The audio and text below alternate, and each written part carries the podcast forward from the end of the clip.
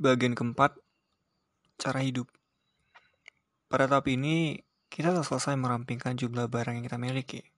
Sekarang, mari melangkah lebih jauh dalam cara hidup minimalis. Perkenalkan cara hidup yang sama kepada anggota keluarga. Perlihatkan kepada mereka asiknya hidup dengan hanya sedikit barang dan ajak mereka turut merapikan rumah. Setelah itu, kita akan membahas betapa gaya hidup yang sederhana bisa berdampak positif pada bumi, penghuninya, dan generasi mendatang.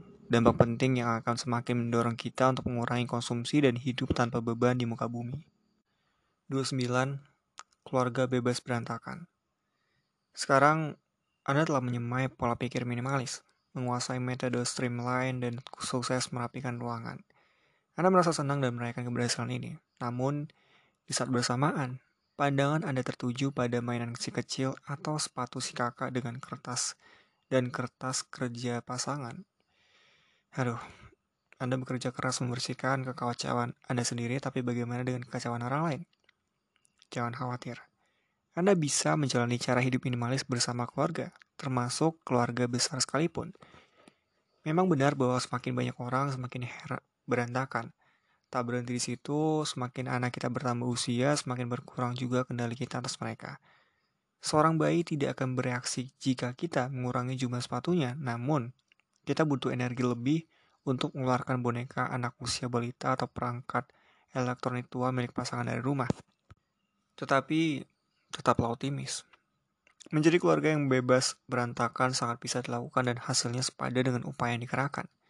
Pada bab ini, saya akan memberikan rencana tindakan yang efektif bagi keluarga, baik yang hanya beranggotakan dua orang maupun sepuluh orang.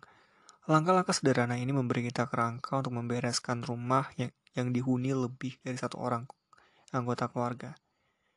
Pada dasarnya, dorongan ramah keluarga untuk, mener untuk menerapkan metode streamline setelah itu, kita akan melihat bagian yang lebih terperinci untuk setiap anggota keluarga, seperti bayi, anak usia balita, dan anak usia TK, anak usia SD, remaja, dan pasangan. Urutan anggota keluarga dimulai dari yang termuda hingga tersulit. Setiap keluarga berbeda, jadi silakan baca bagian-bagian yang menurut Anda paling relevan dengan situasi Anda. Atau Anda bisa membaca semua bagian untuk mengantisipasi perubahan di masa mendatang. Setelah membaca bab ini, Anda akan melihat mungkin sambil menarik nafas lega bahwa minimalisme dan keluarga bukanlah dua hal yang terpisah. Minimalisme tak hanya ramah keluarga, tapi juga mempererat hubungan keluarga. Setelah membersihkan rumah dari barang-barang berlebih, kita akan bisa mencurahkan ruang, waktu, dan tenaga untuk orang-orang kita cintai. Hal itulah yang patut kita upayakan.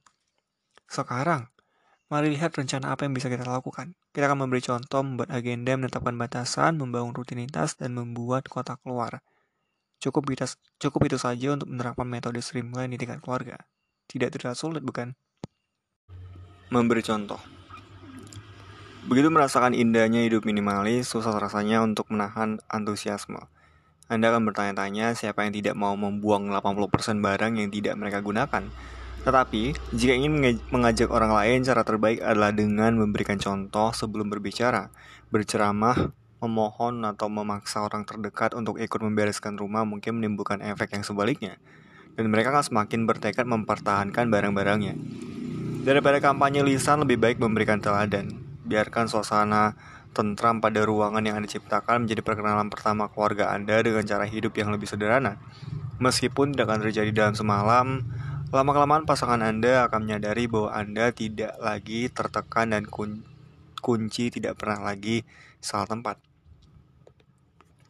Si kakak yang telah remaja akan melihat Anda tak lagi menyeret tas belanja sekembalinya dari toko dan si kecil akan merasa Anda kini menghabiskan waktu berbenah lebih sedikit dan lebih sering bermain. Dan saat kesadaran itu mulai muncul, Anda bisa mulai mengarahkan keluarga Anda dengan lembut. Selain itu, pengalaman yang Anda kumpulkan dalam merapikan barang-barang sendiri akan membantu. Membantu Anda memfasilitasi keluarga. Setelah pernah mengalami sulitnya mengurus barang-barang sendiri, Anda bisa memahami kesulitan yang mereka juga akan hadapi. Dan hanya setelah mempraktikkan metode streamline berulang kali, barulah Anda bisa secara efektif membekali mereka dengan perangkat yang dibutuhkan. Terakhir dengan membersihkan semua barang Anda yang tidak digunakan, semua barang mereka kini menjadi sorotan. Dulu meja makan penuh dengan kertas yang bertumpuk tinggi, peralatan, prakarya, majalah, dan mainan. Tak ada barang yang tak ada yang tahu siapa pemilik barang-barang itu. Dan jika barang Anda selama ini menutupi barang mereka, mereka bahkan tak sadar bahwa keadaan berantakan itu ditimbulkan oleh mereka juga. Namun setelah semua barang Anda pergi, mereka tak lagi punya tempat bersembunyi. Begitu terlihat, Anda bisa menyusun rencana untuk menyingkirkannya. Setelah melakukan barang-barang Anda sendiri, mungkin sulit rasanya menerima kenyataan bahwa Anda tidak bisa begitu saja mengambil alih kendali dan melakukan hal yang sama untuk keluarga Anda. Namun, Anda harus melawan godaan berkeliling rumah membawa kantong plastik sampah berukuran besar saat keluarga Anda sedang pergi. Jika Anda ingin rumah bebas berantakan, anggota keluarga pun harus menjadi bagian dari proses itu. Anak-anak secara khusus belajar dari lebih banyak dari melihat serta meniru, tingkah dan pola orang tua mereka. Tunjukkan kepada mereka bahwa hidup Anda dan rasa bahagia tidak tergantung pada barang sehingga mereka pun akan memiliki sikap yang sama.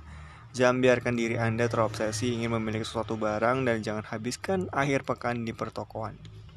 Jangan pula membiarkan laci dan lemari Anda penuh dengan barang-barang berlebihan. Tekankan bahwa pengalaman lebih penting daripada barang dan waktu bersama keluarga, alam, dan masyarakat lebih berharga daripada mengkonsumsi sesuatu yang berlebihan. Salah satu momen yang paling saya banggakan sebagai seorang ibu ini mais adalah anak saya saat anak saya yang berusia 3 tahun berkata, kita tidak perlu banyak mainan, kita hanya perlu matahari. Lebih dari itu semua, bersabarlah. Kesadaran hidup minimalis mungkin tiba sedikit terlambat pada diri anggota keluarga Anda dibandingkan diri Anda sendiri. Sementara itu, Anda harus menjadi cahaya, memperlihatkan bahagia yang datang dari cara hidup sederhana dan menunjukkan jalan selanjutnya. Buat rencana. Kita berada di bagian yang seru. Pada tahap ini, semoga kesukaan kita berbenah sudah dilihat oleh anggota lain. Tanda mereka melihat bisa berubah komentar, rasa ingin tahu, bahkan rasa kagum. Apa pun itu, sekarang Anda Waktunya mengajak semua anggota keluarga bergabung, namun hasil dari langkah yang Anda ambil bergantung pada minat dan semangat yang mereka tunjukkan. Pada umumnya lebih baik memulai dari langkah-langkah kecil terlebih dahulu dengan ritme yang tidak terlalu cepat, berikan pasangan atau anak-anak Anda kesempatan untuk mengakrabkan diri dengan konsep ini sambil kita terus memperlihatkan berbagai manfaat dari mengurangi barang-barang kita miliki. Libatkan mereka dalam proyek-proyek berbenah skala kecil untuk mencicipi misalnya, membersihkan lemari kecil telaci di dapur, Mulailah dengan tugas yang mudah dan area-area bersama yang tidak memiliki ikatan personal dengan mereka untuk menumbuhkan kemampuan melepaskan barang milik mereka. Ada pula yang merasa lebih efektif jika langsung mengajak semua anggota keluarga turun tangan dalam proyek besar, membersihkan garasi atau gudang menghadirkan rasa kebersamaan, pencapaian besar dan kepercayaan diri untuk melakukan kegiatan serupa di masa mendatang. Kegiatan ini juga bisa menjadi pengalaman positif yang mendekatkan sama anggota keluarga, kesempatan untuk merayakan kenangan sambil memberi ruang bagi kenangan baru. Solidaritas, dukungan, dan saran dari orang-orang terdekat bisa membawa perbedaan besar pada proses ini. Ketika adik merasa enggan melepas perlengkapan olahraganya saat kecil, kakak bisa membantu mengingatkan bahwa adik sudah naik kelas ke tim olahraga anak-anak besar. Atau anak-anak bisa memberitahu ayah bahwa mereka lebih suka mendengar permainan musik menggunakan gitar baru daripada gitar usang di garasi. Kecil atau besar, komunikasi adalah yang hal yang penting. Cari kom cari momen yang tepat dan adakan pertemuan keluarga. Anda bisa mengadakan pertemuan formal dengan semua orang duduk mengelilingi meja makan atau diskusi berdua dengan pasangan untuk membuat rencana berbenah secara detail. Pertama, sampaikan secara jelas ekspektasi Anda. Ajakan yuk berbenah terlalu ambigu. Beri mereka gambaran besarnya dan jelaskan apa yang Anda inginkan untuk ruang makan misalnya. Anda bisa menerangkan bahwa Anda ingin melihat ruang makan yang bisa digunakan untuk bersantap malam bersama setiap hari, atau Anda ingin membersihkan gudang agar bisa mengubahnya menjadi ruang keluarga, atau menyingkirkan 90% barang agar bisa tinggal di perahu layar. Cara terbaik untuk mendapatkan kesepakatan itu adalah dengan memberitahukan tujuan yang ingin dicapai. Berikutnya, sampaikan alasan. Jelaskan bahwa Anda lebih suka menghabiskan akhir pekan dengan berjalan-jalan bersama di alam bebas daripada menantang garasi. Sampaikan bahwa Anda ingin ada tempat untuk anak-anak bermain tanpa harus ber, terbentur, atau menyenggol barang. Beritahukan bahwa Anda ingin bisa meninggalkan rumah dengan lebih cepat dan tenang di pagi hari tanpa harus panik mencari kunci mobil, ransel, dan sepatu. Katakan bahwa Anda ingin mengurangi waktu mengurus barang dan menambah waktu bersama keluarga. Terakhir, jelaskan cara. Apakah kalian akan menangani lemari satu persatu atau membersihkan loteng di akhir pekan? Apakah Anda akan mengadakan lomba berbenah untuk melihat siapa yang berhasil membuang barang paling banyak? Buat rencana dan beri mereka bekal agar bisa berhasil perkenalkan mereka dengan metode streamline dan terangkan metode mulai dari awal, cara memutuskan barang untuk disimpan, menemukan tempat untuk setiap barang, menggunakan batas dan ruang, merampingkan jumlah barang, serta membangun disiplin agar kerapian dapat terus terjaga. Anda mungkin bertanya-tanya, apakah setiap barang yang dibuang harus disepakati oleh seluruh anggota keluarga? Jawaban saya tidak. Apabila suatu barang tidak memiliki pemilik yang spesifik dan tidak memiliki nilai penting, baik nilai uang, emosional, maupun hal lainnya, langsung tempatkan barang itu di tempat sampah tanpa perlu diketahui semua orang. Jika setiap alat makan atau keset jelek harus ditanyakan kepada setiap orang, pasti ada saja yang berupaya berargumen untuk menyimpannya. Anda bisa menyimpan keputusan, mengambil keputusan eksekutif, menghindari perdebatan, dan membiarkan anggota keluarga tetap berkonsentrasi membereskan barang-barang mereka sendiri. Yang selanjutnya adalah atur batasan. Anda yang saat kecil berbagi kamar dengan kakak atau adik mungkin ingat masa ketika Anda membuat garis atau batas di tengah ruangan dengan tujuan menandai teritorial. Nah, itulah yang akan kita lakukan saat ini. Meskipun terdengar kekanak-kanakan, hal ini justru sangat penting untuk menjaga rumah yang bebas berantakan.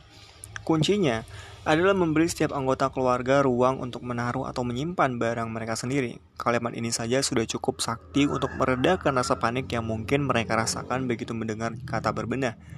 Tekankan kepada anak dan pasangan bahwa mereka tidak akan diminta membuang semua barang.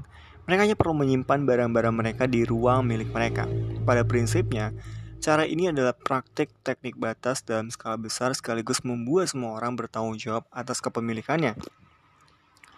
Ruang yang dimaksud bisa kamar tidur atau kamar bermain anak atau satu sudut yang dipilih di ruang keluarga, ruang kerja pasangan, ruang hobi, atau sebagian garasi. Buat garis batas jika memang perlu. Apabila tinggal di tempat yang kecil atau minim, sekat, Anda mungkin harus lebih kreatif menyisikan rak, lemari, dan bagian-bagian kamar untuk anggota keluarga. Tujuan kita adalah menjaga agar barang-barang pribadi tetap pada tempatnya dan area bersama tetap bersih. Di awal, membersihkan ruang keluarga mungkin mengakibatkan barang-barang bertumpuk di ruang pribadi. Tak apa-apa, pasangan dan anak Anda perlu melihat kondisi ketidakrapian barang-barang mereka agar mau menghadapinya. Pemandangan ini menjadi sangat jelas terpampang saat semua barang dikumpulkan di tempat-tempat tertentu. Alih-alih menyebar ke seluruh bagian rumah, tentu saja kita tak ingin melihat kamar tidur anak 10 tahun menyerupai kapal pecah. Inilah saatnya kita turun tangan dan membantunya memutuskan barang mana yang perlu disimpan. Untuk mempercepat proses, Anda bisa menerapkan pemilihan buang, simpan, dan berikan sejak proses konsolidasi. Putri Anda mungkin tidak merasa ber bermasalah meninggalkan rumah boneka yang ia, ia mainkan saat kecil dulu di ruang tengah. Namun, perasaannya menjadi berbeda saat barang itu harus berada di kamarnya sendiri. Pasangan kita pun begitu. Menyimpan majalah edisi setahun penuh tidak masalah karena hanya ditumpuk di atas meja makan. Sekarang, beri mereka kesempatan untuk membuang barang-barang yang tak ingin mereka letakkan di area mereka sendiri. Selain itu, yang lebih penting lagi, pastikan semua orang paham bahwa ruang keluarga adalah flex space. Dengan kata lain, tentu saja anak-anak boleh bermain, membaca buku, atau membuat prakarya di ruang keluarga. Namun, Begitu selesai, semua barang mereka harus dibawa kembali. Idealnya, setiap malam harus dibereskan. Kita pun harus fleksibel dan mau membuat pengecualian. Misalnya, saat ada proyek kelas sains yang harus dibawa pekan depan, dalam hal ini yang penting kita tahu kapan barang itu harus diangkat agar tidak menetap di ruangan yang sama sampai ia masuk kuliah. Ingat, inti menetapkan batasan bukanlah untuk mengekang kegiatan keluarga, melainkan untuk menciptakan ruang bagi mereka. Lalu bangun rutinitas. Jika bukan jika, tapi saat Anda dan keluarga berhasil menjalani satu ronde berbenah, luangkan waktu untuk merayakan momen itu. Berikan pujian pada pasangan dan anak-anak atas kerja keras luar biasa yang mereka lakukan. Berhenti sebentar untuk mengagumi ruang baru Anda, bahkan meskipun ruang baru ini hanya berupa lemari jaket yang lebih lowong. Anggaplah ini momen kenangan atau momen kemenangan. Jika berbenah terasa menyenangkan dan positif, butuh tugas yang membebani, keluarga Anda pun akan merasa lebih tertarik untuk melakukannya. Tapi, pekerjaan kita belum selesai. Setelah bersorak-sorai masih ada berbagai langkah yang harus dilakukan. Baik setelah berbenah besar maupun kecil, Anda harus menetapkan rutinitas baru untuk mencegah kembalinya kekacauan itu. Nah, ini adalah langkah yang tak boleh Anda lewatkan. Sistem menjaga kestabilan dan hal yang sama berlaku di rumah kita. Besok, anak kita mungkin membawa pulang souvenir dari ulang tahun temannya, pasangan Anda mungkin berbelanja di daerah di acara diskon dan anak lain yang meletakkan koleksi batu di atas meja kita. Tentu kita tidak ingin kejutan sehari-hari ini mengganggu kemajuan kegiatan berbenah yang sudah dicapai. Sekeras apa pun mencoba, kita tak mungkin melakukan segalanya sendirian. Kebiasaan berbenah harus melibatkan semua anggota keluarga. Rutinitas pertama yang harus dibangun adalah merapikan rumah setiap malam. Pilihlah waktu yang cocok antara jam makan malam dan jam tidur, kemudian minta semua orang untuk berkeliling rumah. Mereka harus mengumpulkan barang-barang pribadi yang tersebar dan mengembalikannya ke tempat semula, baik rumah tangga kecil yang hanya terdiri dari Anda dan pasangan, maupun rumah tangga besar dengan empat orang anak. Kegiatan ini harus menjadi kegiatan bersama dengan waktu mulai dan berakhir yang sudah ditetapkan. Meskipun pada awalnya kita mungkin merasa seperti satpam, tetapi kegiatan ini akan berjalan lebih lancar seiring waktu jika dilakukan setiap hari tanpa ada yang mengeluh atau mengomel. Waktu maksimal yang dibutuhkan hanya 10 menit. Rutinitas malam ini sangat efektif untuk menjaga agar tidak ada barang yang tergeletak sembarangan karena jumlah barang yang bisa menumpuk dalam waktu 24 jam pun tak banyak. Selain itu, kerepotan yang mungkin dirasakan semua orang merupakan jalan untuk membuka mata keluarga kita mengenai kerugian hidup dengan terlalu banyak barang.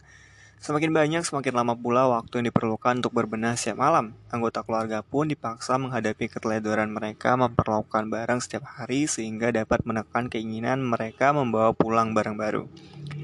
Rutinitas kedua yang diperkenalkan adalah mengembalikan semua barang pada tempatnya segera setelah digunakan. Anak-anak bisa dan harus dibiasakan melakukan hal ini sedini mungkin. Kalau Anda merasa hal ini mustahil, cobalah amati ruang kelas di sekolah yang menganut sistem Montessori. Di sana anak-anak usia 2 tahun pun akan berjalan dengan hati-hati mengembalikan barang yang sudah mereka gunakan ke tempatnya. Terakhir yang juga perlu diketahui seseorang sejak kecil adalah aturan satu masuk satu keluar. Biasakan si kecil melepaskan mainan lama setelah mendapat mainan baru. Praktik ini sangat efektif untuk menghadapi masa-masa banjir hadiah, seperti saat ulang tahun dan hari raya. Tanya si kecil, si kakak usia remaja pun bisa diajarkan dari dorong untuk mengeluarkan sepasang jeans atau sepatu kasual setiap kali mendapatkan jeans atau sepatu baru. Jika terpisah dengan barang-barang lama terasa berat, mintalah ia menahan diri tidak membeli yang baru hingga benar-benar membutuhkannya. Berbenah sayangnya memang bukan peristiwa satu kali yang akan secara ajaib membuat hidup kita lebih apik selamanya, apalagi jika memiliki keluarga. Tapi jika kita bisa membantu orang-orang terdekat membangun kebiasaan baru untuk mengelola barang mereka sendiri, rumah kita punya kesempatan besar untuk tetap bebas dari keadaan berantakan. Siapkan kotak keluar. Ada kalanya rumah terasa seperti satu kotakku, kotak surat raksasa. Di dalamnya masuk mainan, pakaian, kertas, belanjaan, hadiah, gawai, dan masih banyak lagi. Sayang sekali jalan untuk keluar dari kotak itu tidak terlalu terlihat dengan jelas. Untuk membantu kepergian barang-barang itu, kita harus menyiapkan kotak keluar. Berbagai barang itu mudah sekali masuk ke kehidupan kita sehingga kita pun harus memudahkannya untuk keluar. Misalnya, contoh yang Anda perlihatkan telah menginspirasi anggota keluarga lain untuk melakukan hal yang sama. Anda sekeluarga telah menyepakati rencana menetapkan batasan dan membangun rutinitas baru. Semuanya terlihat lancar sampai ada satu anak yang berjalan-jalan di lorong rumah sambil menenteng kaos kaki olahraga yang ingin ia singkirkan. Tak tahu di mana harus menaruh kaos kaki itu, lalu akhirnya memutuskan melempar kaos kaki ke sudut kamar untuk ia putuskan belakangan. Momentum pun hilang, bahkan ia mungkin tidak akan lagi mencoba membuang barang lain. Bagaimana kita bisa menghindari kegagalan ini dan risiko kesia-siaan kerja keras kita? Mudahkan keluarga untuk membuang barang. Memudahkan bukan berarti meminta mereka menunggu sampai ada acara bersih-bersih gudang berikutnya, melainkan meminta secak mereka meletakkan barang yang ingin disingkirkan ke dalam kotak keluar. Bukan berarti juga saya menyarankan Anda manfaatkan kemalasan orang lain untuk mencapai tujuan minimalis. Yang dimaksud dengan anjuran ini adalah kita bisa menarik manfaat besar jika mampu menjadikan berbenah sebagai kegiatan yang minim perlawanan. Mari kita bahas teknik kotak keluar ini lebih lanjut. Kotak itu harus besar agar barang apa pun bisa dimuat, mencolok agar terlihat oleh anggota keluarga lain dan terletak di tempat yang strategis. Tentunya ukuran kotak tergantung pada ukuran rumah tangga dan volume barang yang berpotensi dibuang. Namun, lebih baik menyiapkan kotak yang lebih besar agar anggota keluarga yang ingin meletakkan selimut lama atau pengeras suara rusak tak berkecil hati melihat kotak berukuran mini. Kemudian, mencolok berarti harus menonjol. Jika menggunakan kotak kardus usang, Anda bisa melapisinya dengan kertas berwarna terang agar tidak ada yang meragukan fungsinya. Warna cerah juga menimbulkan kesan yang positif dari kegiatan ini. Terakhir adalah lokasi lokasi, dan lokasi. Inilah faktor utama keberhasilan kotak keluar. Kotak yang disimpan di bagian belakang gudang atau di luar garasi kemungkinan besar tak akan ditemukan oleh barang-barang yang ingin disingkirkan oleh keluarga Anda. Letakkanlah kotak di tempat yang strategis untuk semua orang. Area menaruh sepatu atau payung, lemari jaket, bahkan ruang cuci. Akan lebih ideal jika diletakkan di area tempat keadaan berantakan berpusat, misalnya di dekat kamar tidur atau anak atau ruang kerja pasangan. Sebagai kapten berbenah, Anda juga harus memantau keadaan, pengorbanan kecil untuk bermanfaatkan yang akan didapatkan. Bayangkan saja Anda sedang dalam berada dalam siklus daur ulang yang terus bergulir. Meskipun keluarga Anda diberi kebebasan untuk mengeluarkan berbagai barang mereka, Anda harus menerima kenyataan bahwa barang-barang itu pun perlu disortir. Mengapa? Karena mungkin ada anak yang mengeluarkan pakaiannya yang masih ba yang masih baik, anak lain membuang biolanya, dan ada satu anak iseng yang membuang boneka beruang kesukaan saudaranya. Anda perlu memastikan bahwa barang yang masuk ke kotak memang layak dibuang, sementara barang yang masih bernilai harus diberi keputusan yang lebih baik. Dijual atau didonasi, didonasikan. Isi kotak keluar bisa bertambah dengan cepat, bisa juga lambat. Kita mungkin harus mengosongkannya setiap minggu, bulan, bahkan musim. Yang jelas selalu dipastikan kotak siap digunakan setiap saat. Sekarang kita sudah punya rencana untuk seluruh keluarga, mari beralih ke anggota lain satu persatu. Dari bayi hingga pasangan. Bagian berikut adalah tips berbenah yang terperinci untuk setiap anggota keluarga.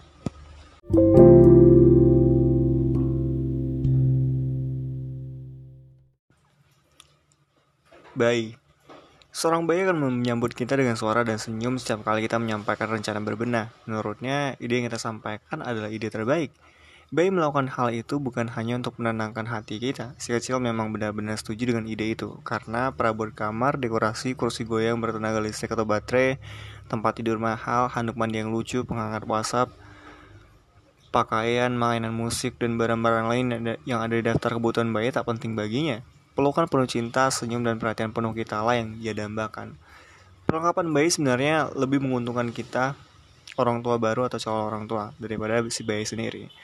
Suatu alat dijual dengan janji membuat kita hidup membuat hidup kita yang tiba-tiba bisa berbalik 180 derajat lebih mudah, lebih nyaman, dan lebih trendy.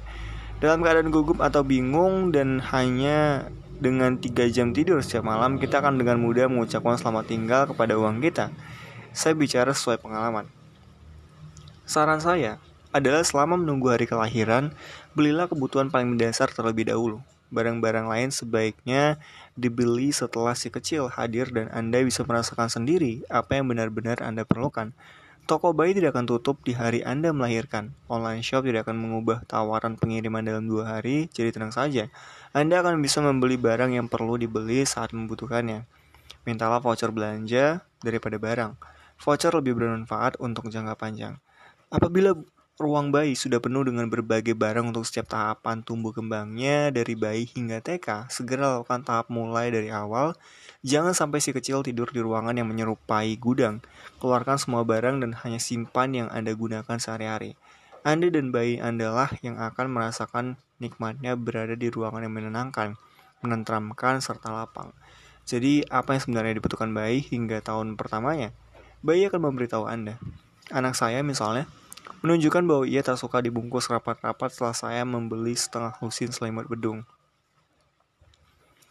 Saya mengerti jika jawaban ini tak sesuai dengan ekspektasi Anda, memiliki daftar barang jauh lebih membuat kita nyaman, tapi setiap bayi itu berbeda. Mengenang kembali masa-masa itu, saya tersadar bahwa kursi bayi, tempat tidur bayi, alat gendong, dan pakaian saja sebenarnya sudah cukup. Tapi, saya membeli barang yang lebih banyak, dan Anda pun akan mengalaminya.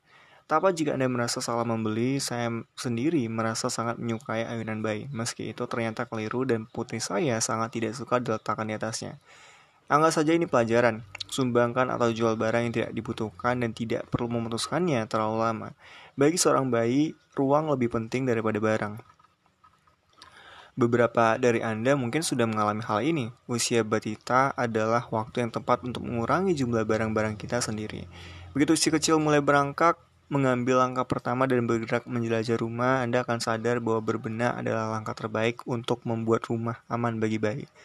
Semakin sedikit barang yang bisa membuat bayi terantuk, ter tersandung atau tersenggol, mungkin semakin kecil kemungkinan ia cedera dan hati Anda pun akan semakin tenang. Yang selanjutnya balita. Begitu si kecil menginjak usia balita, situasi di rumah bertambah sedikit kerumitannya. Kita masih merasa bisa berbenah dan punya semua kenangan atas si anak. Namun, sebenarnya anak balita kita mulai memiliki rasa ingin mengendalikan dan memiliki sesuatu at tidak dan punya aku adalah dua, fak, dua kata favorit anak balita. Saya punya pengalaman yang masih membekas mengenai hal ini. Saat itu, saya sedang membuang semua mainan yang sudah berbulan-bulan tak disentuh oleh putri saya. Saya pikir, ia tak akan peduli dan tak sadar. Tapi sekitar usia 2 tahun, ia seorang ia seolah mulai punya indera keenam yang bisa merasakan ketika ada barang yang hilang padahal tak disentuh olehnya selama selama setahun lebih. Di mana mainan gelangku? Aku mau mainan itu. Katanya di hari yang sama ketika saya mengirim barang tersebut ke tukang loak. Masih ada peristiwa lain. Pada suatu siang, saya mengirim buku-buku ceritanya yang tebal kepada sepupunya. Ia bertanya, mana baby colors? Aku ingin membawa baby colors. Tiga hari kemudian permintaannya sudah berubah menjadi amukan besar karena ia tidak bisa menemukan buku itu dan saya pun harus berlari ke toko ter buku terdekat untuk membeli ulang. Saya tidak bangga akan hal ini. Saran saya berikutnya, mungkin tidak terlalu setia kepada konsep minimalis, tapi saya menganjurkan Anda menyiapkan area penampungan untuk barang-barang anak tempat untuk menampung barang mereka selama beberapa bulan sebelum benar-benar meninggalkan rumah. Dengan begitu, saat si kecil menyadari ada yang hilang dan memutuskan ia tak sanggup hidup tanpa buku atau mainannya dan menunjukkan hal ini dengan menangis, menjerit atau berguling-guling di lantai, Anda cukup menarik kembali barang tertentu dari area itu tanpa harus membeli untuk kedua kalinya. Pada saat usia 2-5 tahun, anak-anak sebetulnya mengembangkan pemahaman mengenai konsep kepemilikan. Mereka menyadari bahwa tidak semua hal adalah milikku dan bahwa ada hal-hal yang bisa digunakan bersama sementara atau permanen dengan anak lain. Putri saya sama sekali tidak bermasalah melepas mainannya jika ia tahu di mana mainan itu akan pergi. Mungkin ke sepupu kecilnya di Texas atau seorang anak perempuan lain yang tidak memiliki banyak mainan. Selama mainan itu tidak menghilang begitu saja. Bahkan, anak-anak pada usia ini bisa bersemangat dan bangga menyerahkan barang-barang bayi mereka. Manfaatkanlah antusiasme ini untuk menumbuhkan rasa suka berbenah. Di sisi lain, jika si kecil merasa berat melepaskan sesuatu, tak perlu meminta persetujuannya untuk setiap barang. Barang-barang kecil yang tak terlalu bernilai bisa Anda buang tanpa sepengetahuannya dan bi Anda bisa memanfaatkan area penampungan tadi senyaman dan sebaik mungkin.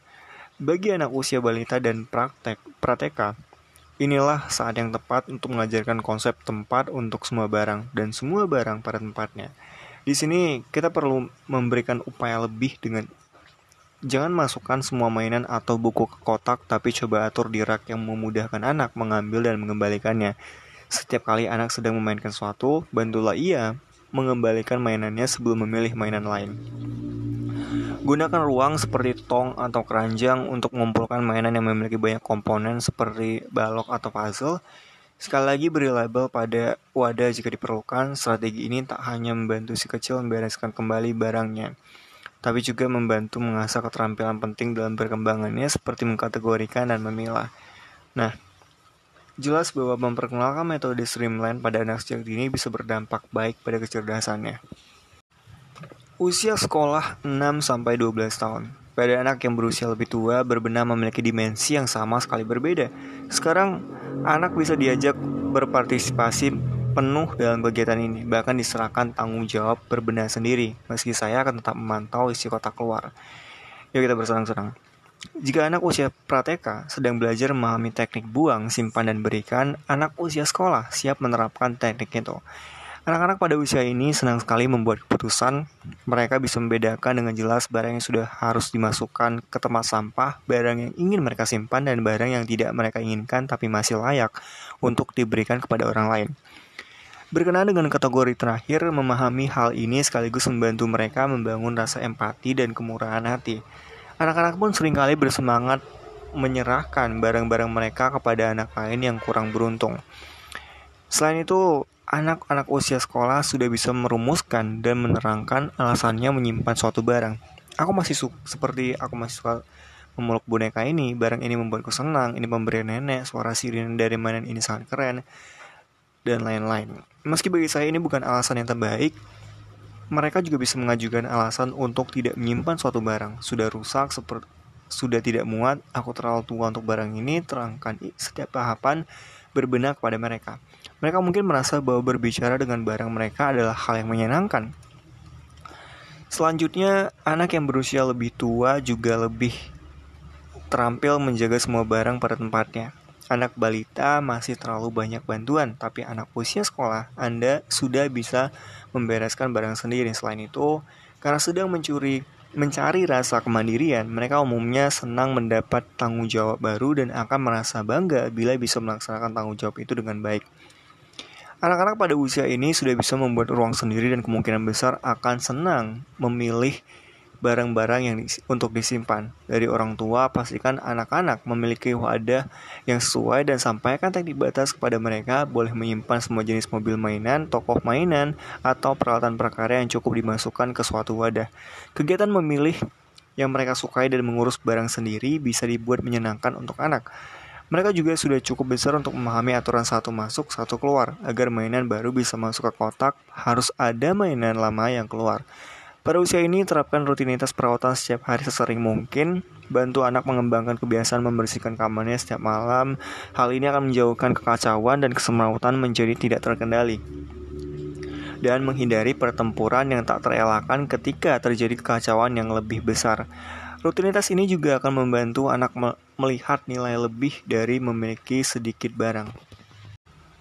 Usia remaja Hal yang menyenangkan dari usia ini adalah seorang anak remaja sudah mampu melaksanakan metode streamline sendiri.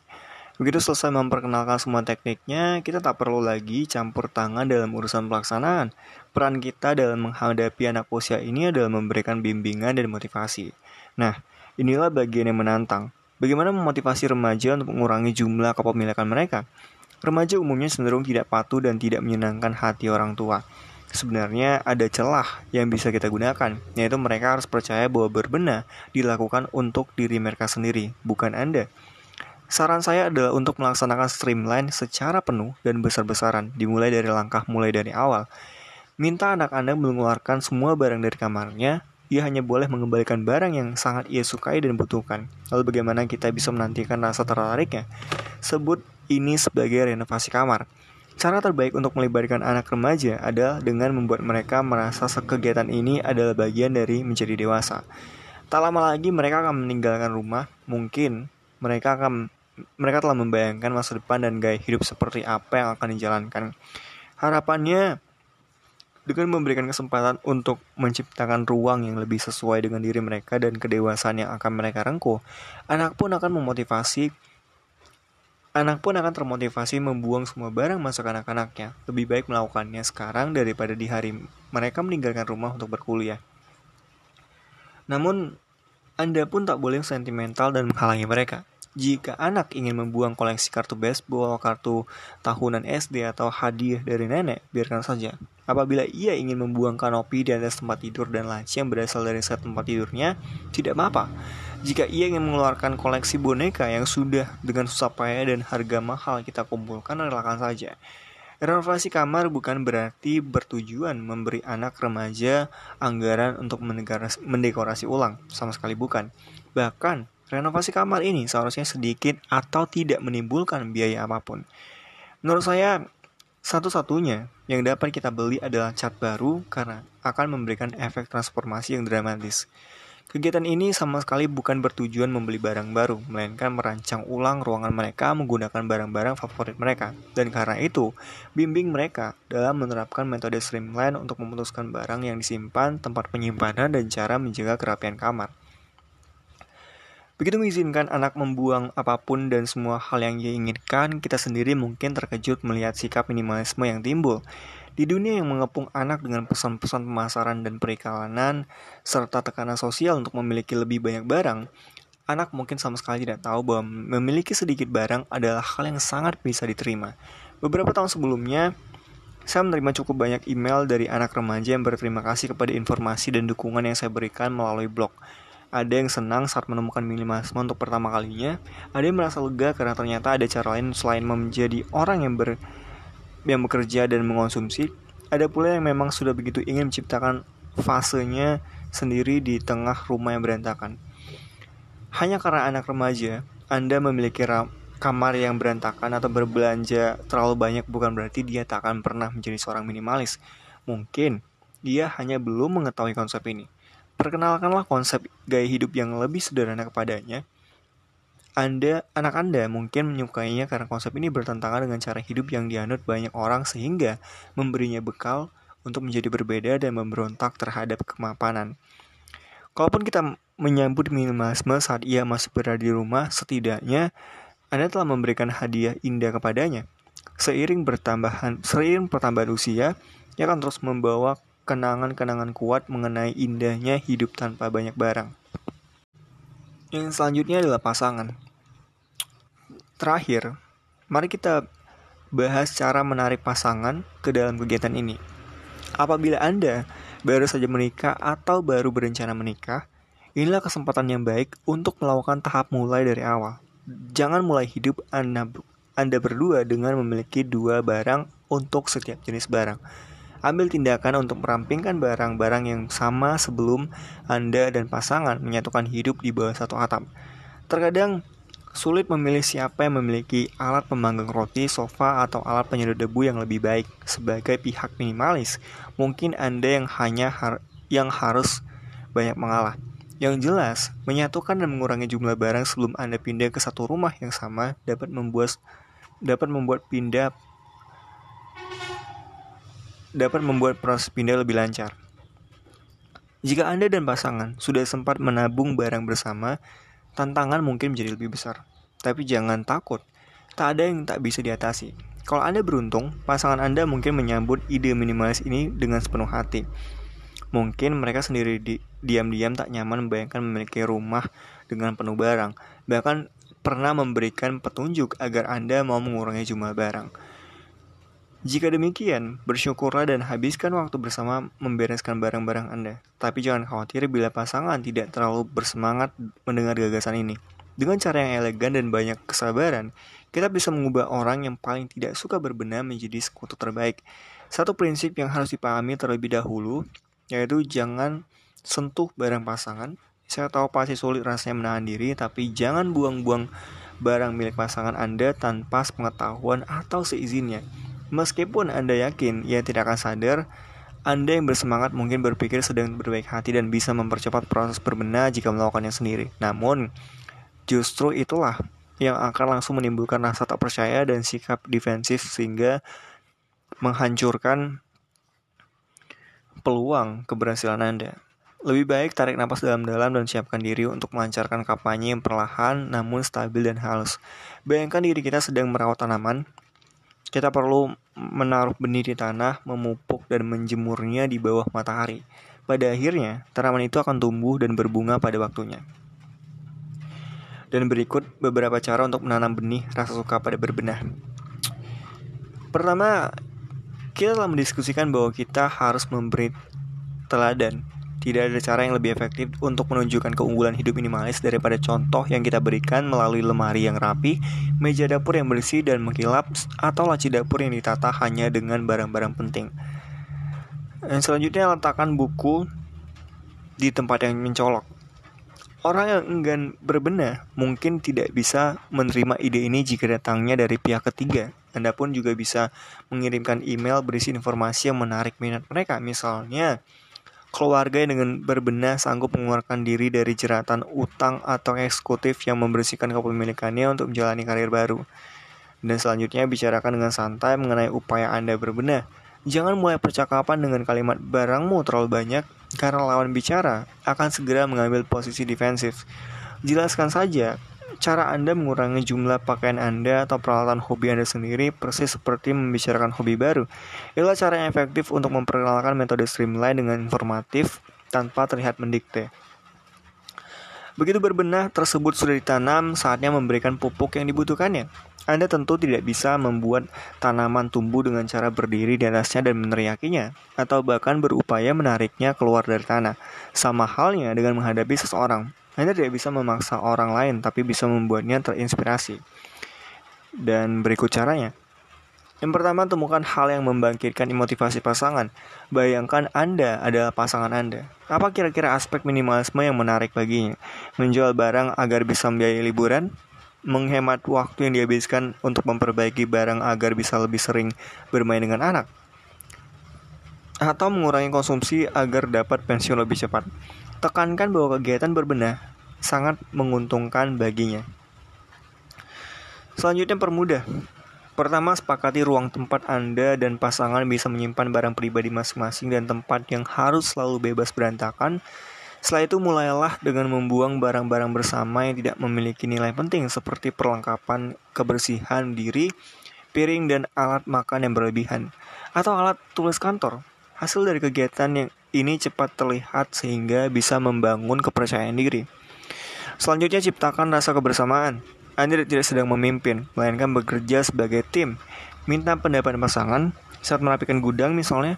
Jangan mengatakan seisi gudang harus dibuang begitu saja. Tanyalah, menurutmu cara apa yang paling efektif agar kita punya ruang lebih luas di sini? Pasangan Anda pasti merasa lebih bersemangat jika diberi kewenangan yang setara untuk berpendapat. Selain itu, tujuan bersama juga dapat menciptakan motivasi dan momentum. Dengan keberuntungan, upaya kita memupuk tanaman itu kini menghasilkan tunas. Nah, sekarang Anda harus memastikan tunas itu banyak mendapat sinar matahari. Dengan cara pertama, puji, puji, dan puji. Kita selalu sering senang mendengar pujian dari orang lain dan cenderung mengulang perilaku yang menuai pujian itu. Di sisi lain, kritik justru akan menghentikan kemajuan apa pun yang telah kita buat. Jadi, meskipun pasangan baru bisa membuang beberapa kaos lama, janganlah berkomentar cuma itu. Sebaliknya, sampaikan bahwa mereka ternyata bisa berbenah dan kita senang melihat ada tambahan ruang di lemari pakaian. Saat percaya bisa melakukan sesuatu dengan baik, kita pun ingin segera terus mengulang hal yang sama. Selanjutnya adalah pancarkan aura positif. Pastikan sikap Anda selalu optimis dan menyenangkan. Meskipun dalam situasi yang tidak ideal, jangan mengolok-olok pasangan jika ia merasa sulit berpisah dari barang-barangnya. Bersimpatilah dan beritahukan beberapa teknik yang telah berhasil membantu Anda mengatasi situasi serupa. Hindari argumen, teruslah sampaikan manfaat berbenah dan tak ada salahnya berhenti sejenak jika situasi tidak terlalu kondusif. Selanjutnya, buat efek rumah kaca. Dengan kata lain, beri tunas tadi kondisi terbaik untuk tumbuh dan dilindungi dari hal-hal yang merugikan. Apabila pasangan ingin pergi ke pertokoan, sarankan untuk berjalan-jalan ke taman. Jika pasangan sedang asyik membaca katalog barang, ajak ia mengobrol untuk mengalihkan perhatiannya. Apabila ia sedang melihat-lihat eBay, lakukan sesuatu. Pada intinya, ubah momen yang menempatkan diri kita sebagai konsumen menjadi momen bersama sebagai cara menjaga rumah tetap rapi. Selain itu, yang terpenting adalah bersabar. Barang-barang yang berantakan tidak berkumpul hanya dalam satu hari, satu malam, dan tidak akan pergi semudah kita membalikkan telapak tangan. Barang Anda sendiri pun tidak begitu kan? Pahamilah bahwa butuh waktu untuk mengubah kebiasaan seseorang dan memberikannya cara pandang baru.